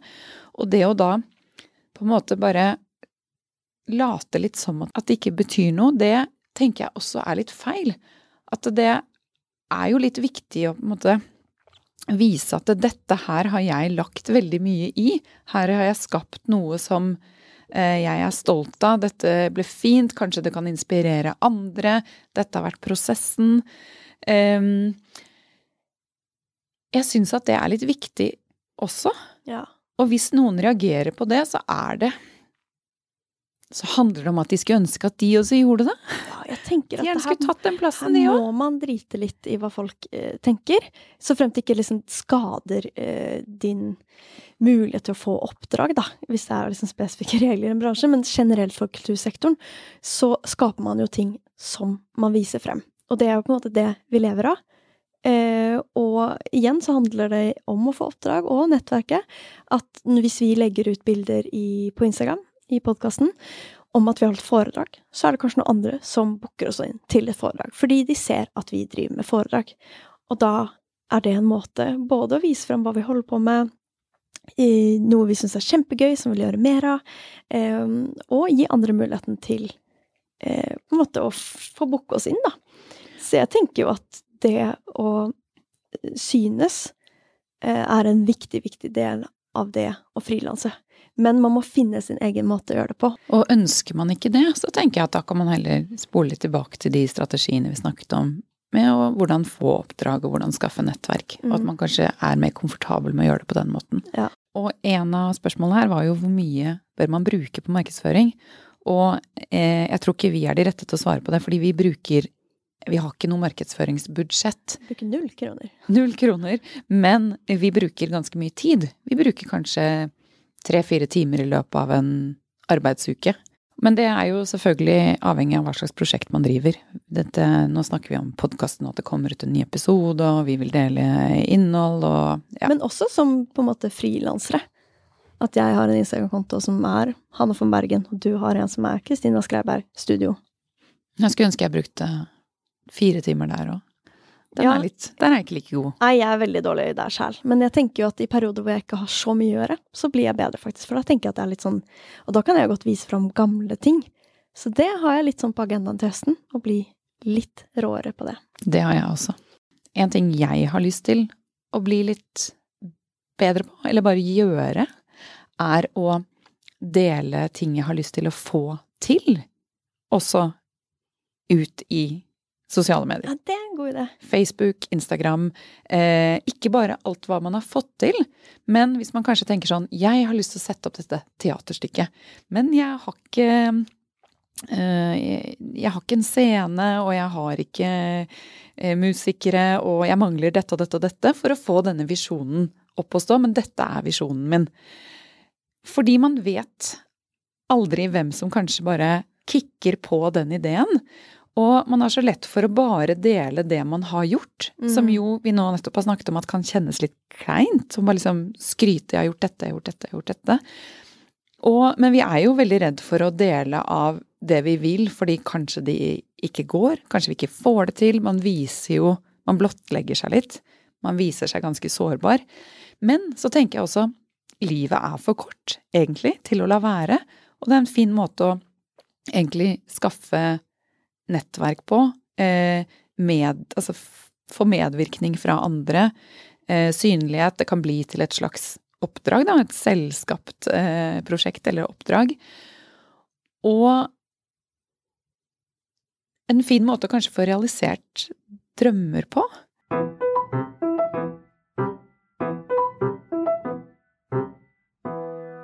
Yes, nå er vi kommet til eh, liksom tema ni, vårt nest siste tema, som handler om økonomi, og her har vi fått inn litt forskjellige spørsmål. Det ene er Jeg har holdt på i to år, fulltid, og fått til kule ting, men sliter fortsatt veldig med å tjene nok penger til å betale faste utgifter måned til måned. Jeg vet det er penger i det jeg driver med, men regner med jeg gjør noe feil. Ta gjerne imot tips. Og så er det en som skriver er du arrogant som forventer standardlønn når du er fersk? Å, den er gøy. Ja, og i parentes, start i et kundeforhold. Det her er jo to eh, veldig gode eksempler på spørsmål, syns jeg. Det er nok Altså, det med økonomi Jeg tror at 80% eller 90% av de frilanserne vi intervjuer, når vi spør hva er det mest utfordrende med å frilanse, så er det veldig, veldig mange som sier økonomi. Jeg tror det her med økonomi er en sånn eh, sakte prosess av læring. Det tok meg mange, mange år for å skjønne liksom hva jeg kan gjøre for å tjene penger. Og jeg satt på et tidspunkt med en, altså 70 frivillig oppdrag. Eh, og hadde elendig betalt og hadde deltidsjobb, og ja, det gikk litt i feil retning, så tenkte jeg nå må jeg begynne å styre skuta til ting som er betalt. Og det er jo ikke bare bare å finne ut hvordan gjør man det. Jeg tenker Noen ganger så handler det om hvilken type oppdrag tar du. Hvilken eh, Altså hva slags oppdragsgivere har du? Kan du ha noen litt mer sånn kommersielle oppdrag? Og jeg, når jeg var ny, så fikk jeg et tips som jeg vil gjerne videreformidle, som jeg syntes var veldig smart. Og det var å prøve å finne en timepris som eh, du føler at du burde ha. Det kan jo være at du snakker med andre frilansere, din fagorganisasjon, kjenner på liksom hva kjennes rimelig ut. Si at det er liksom 600 kroner timen. Eller en dagssats på 3000 eller 4000 eller mer. Her er det jo veldig forskjell på liksom hva de jobber med, hvilken bransje etc. Men eh, det jeg gjorde da, var å liksom finne litt den prisen jeg følte at jeg burde ha, men så kunne jeg gi rabatt til eh, oppdragsgivere. Så jeg kunne si at eh, det her er prisen min, men eh, du kan få det for det her en, etter en samtale. Og kanskje da begrunne det med at eh, ja, dette er første gang vi samarbeider, så vi kan jo ja, teste ut hvordan dette går, så jeg kan gi dere en hyggelig pris denne ja. gangen. Eller jeg vet at dere har sagt at dere har lite ressurser, men jeg syns at det her virker som et kjempespennende prosjekt. Eh, og da kan man f.eks. lage en kontrakt hvor du rett og slett har en rabattert pris. Og da tenker jeg at den kunden vil da skjønne at det her er det du egentlig ligger på. Sånn at neste oppdrag, så kanskje det er det du får. Ja, og de vil tenke yes, jeg får en god deal.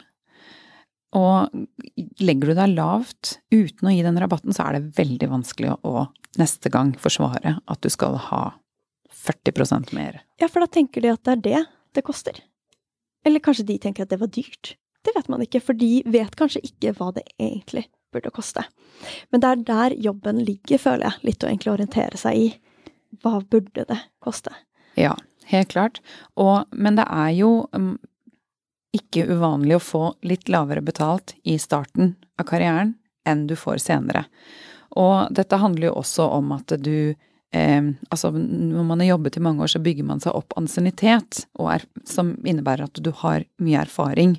Så orienter deg om hva, hva er landskapet i din bransje for de som jobber på det nivået du er i. Så kan du jo forhøre deg hva er mulighetene for å heve lønnen Sånn at du passer på at du gradvis hever. Og mange hever den sånn 1. Eh, januar hvert år sender ut til sine kunder. Nå har jeg gått opp så og så mye, eller Men det vanskelige ved det er jo at det er du som bestemmer, og at man forhandler eh, nye avtaler gang på gang.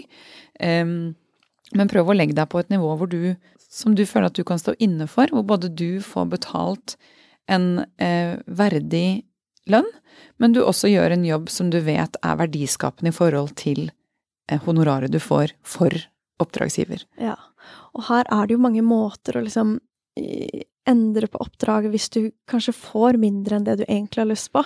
Kan du gjøre det litt mindre, oppdraget? Kan du si at du kan gjøre en viss del av det? Um, på en måte kan du gjøre det over lengre tid. Altså, det fins kanskje andre måter å flekse på, da, som kan gi noe til deg. Eller kan du få en merverdi ut av det her oppdraget på en eller annen måte? Um, så jeg tenker at det er eh, Til spørsmålet er du arrogant som forventer standardlønn når du er fersk, så er det vel litt sånn eh, Jeg vil jo si at det er vanskelig å være helt nyutdanna og så forvente samme lønn som de som kanskje har jobba ti år. Eh, og med standardlønn, det er litt vanskelig å vite hva personen mener med det, men jeg tenker at um, det er veldig naturlig å få mindre betalt når du er nyutdanna, men det er en ukultur at man blir underprisa i kultursektoren.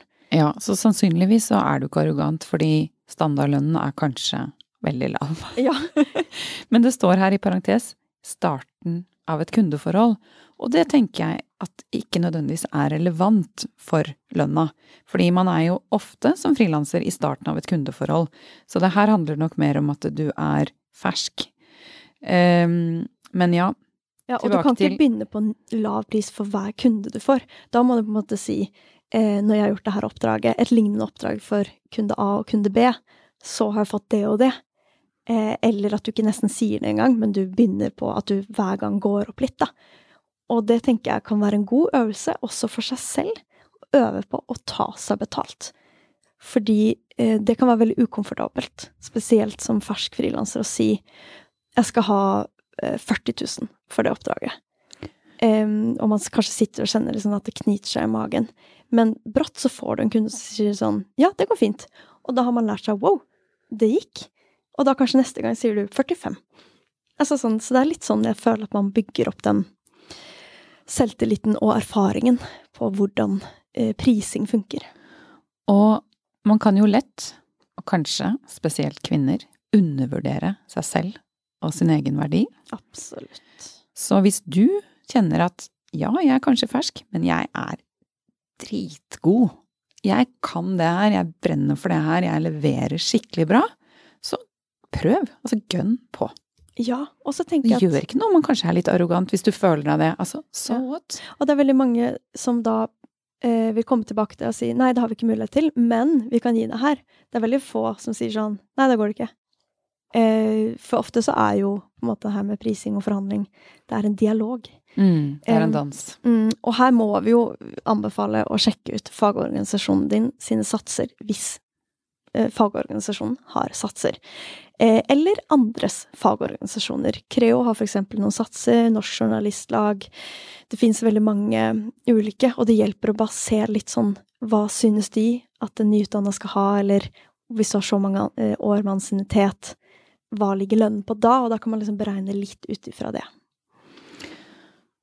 Og sjekk ut episoden vår om forhandlingsteknikk. Og hvis du melder deg på nyhetsbrevet, så skal vi sende dere en mail etter episoden er sluppet, med tips til alle disse episodene, mer relevante tematikk.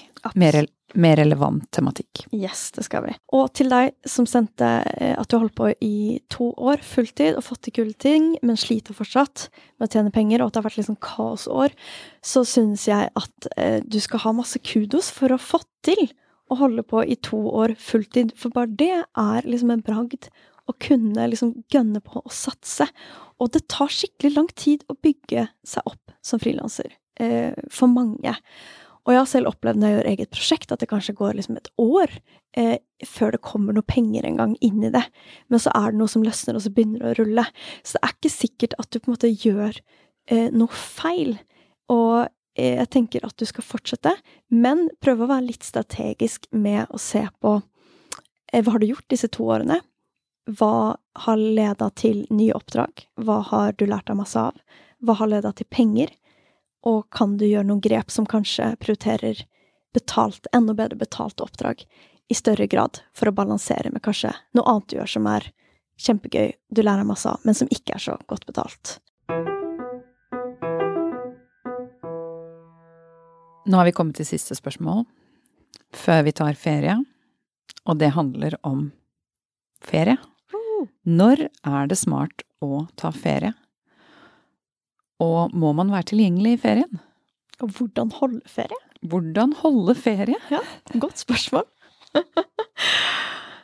altså, det er eh, veldig mange jeg kjenner, og meg inkludert, som har hatt veldig mange år uten ferie. Som rett og slett tenkte at ah, det, det trenger jeg ikke, og jeg har masse energi og syns det er spennende, og jeg har ingen penger, så det er veldig vanskelig å ta ferie. Og det holder med at jeg tar noen dager her og der. Um, så det der er jo litt sånn um, periodebasert, vil jeg si, når i frilanskarrieren man er, og hvordan man har det som frilanser. Om man kjenner at man trenger ferie eller ikke. For det er ikke sånn at man må ha ferie. Men jeg husker det første året jeg tok ordentlig sommerferie, og jeg syns det var den beste avgjørelsen jeg noensinne hadde gjort. Fordi det å ha sammenhengende ferie i flere uker, kanskje liksom en måned på sommerferien, det var liksom noe helt nytt å få koble av hjernen fra jobb i såpass lang periode. Um, fordi den går liksom og tikker stadig vekk. Så for meg å få litt sånn lengre tid til å komme litt sånn ned i tempo, koble ut jobb, bare kunne slappe av, det var skikkelig verdifullt for energinivået mitt, for min mentale helse, for kroppen, stressnivået, alt mulig. Det var fantastisk. Jeg nikker iherdig. Og siden har jeg tatt lang sommerferie hvert år. Jeg har gjort det helt siden jeg møtte mannen min for tolv år siden. For han ville jo ha lang sommerferie. Tenkte jeg jøss, ok, det er noe man gjør.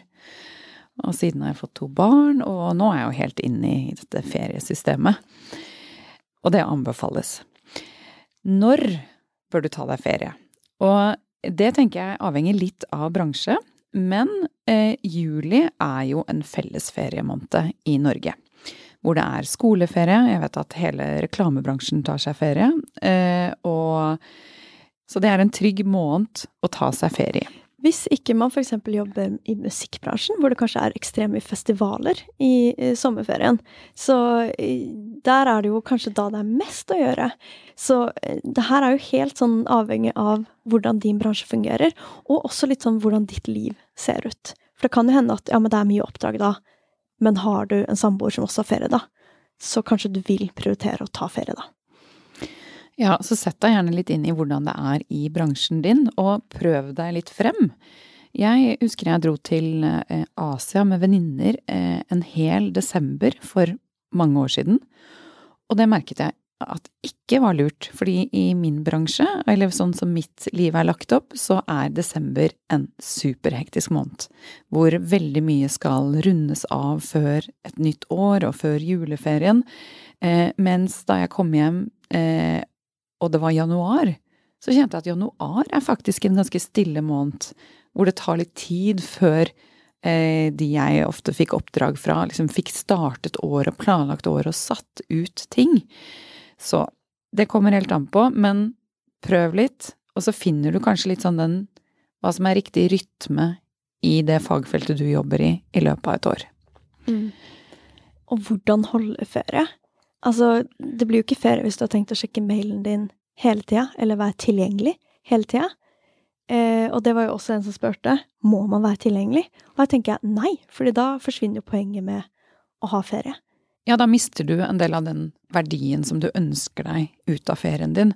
Og jeg tenker at det at du er utilgjengelig, viser at du har respekt for deg selv og din tid. De menneskene som er opptatt av slike ting, av balanse, og det er de bra folka, de vil verdsette at du tar deg ferie. Mm. Det kan virke som du ikke har råd til å ta ferie, og noen ganger så har man ikke råd i starten. Men i lengden så har du egentlig ikke råd til å la være. Fordi helse, avkobling, venner, fritid, det er en investering i deg selv, og vil gjøre at du kan holde det gående på sikt. Så ta ferie med god samvittighet men lurt å sette på sånn autosvar på e-posten sin.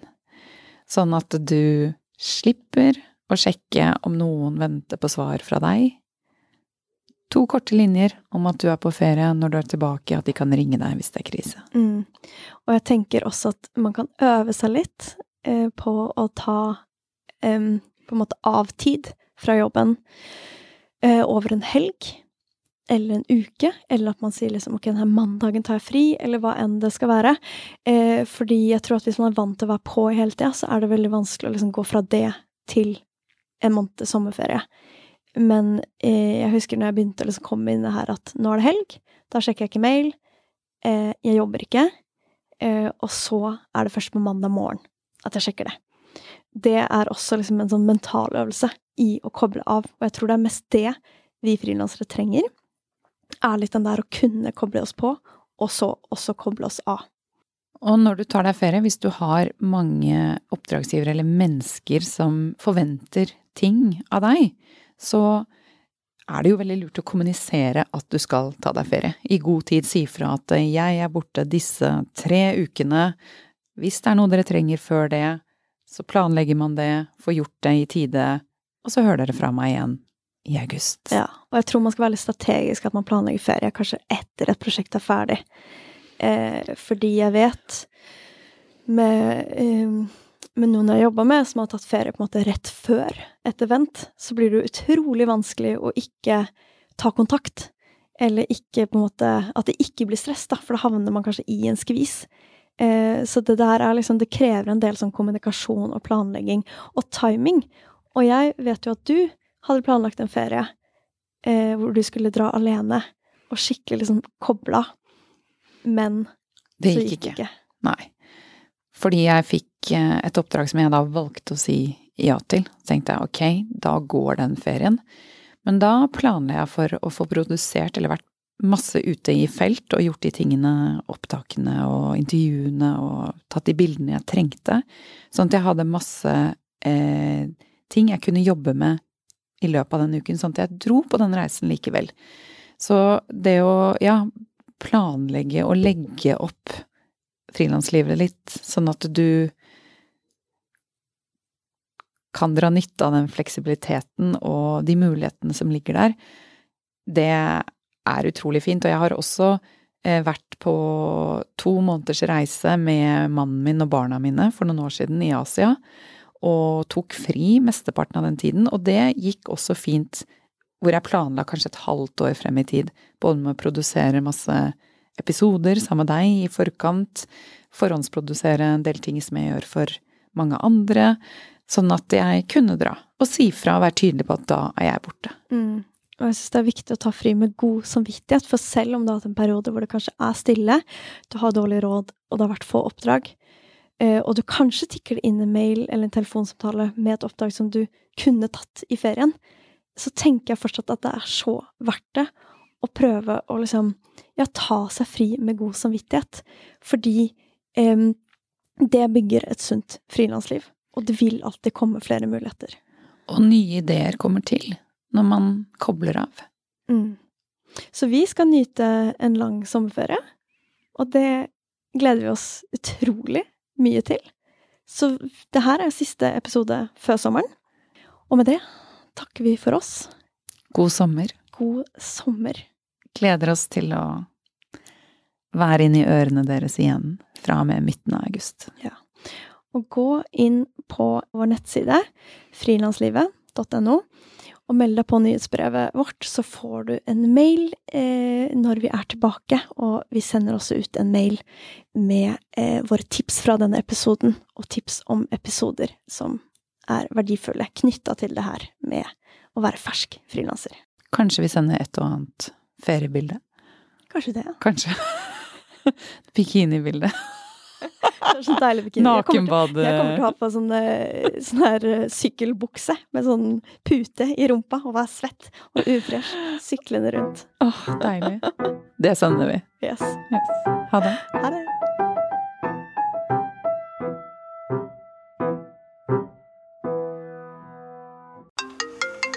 Men er det ikke selveste Larsen som ringer, da? Hvordan går det? Jo da, det kan ikke annet enn å klage, si.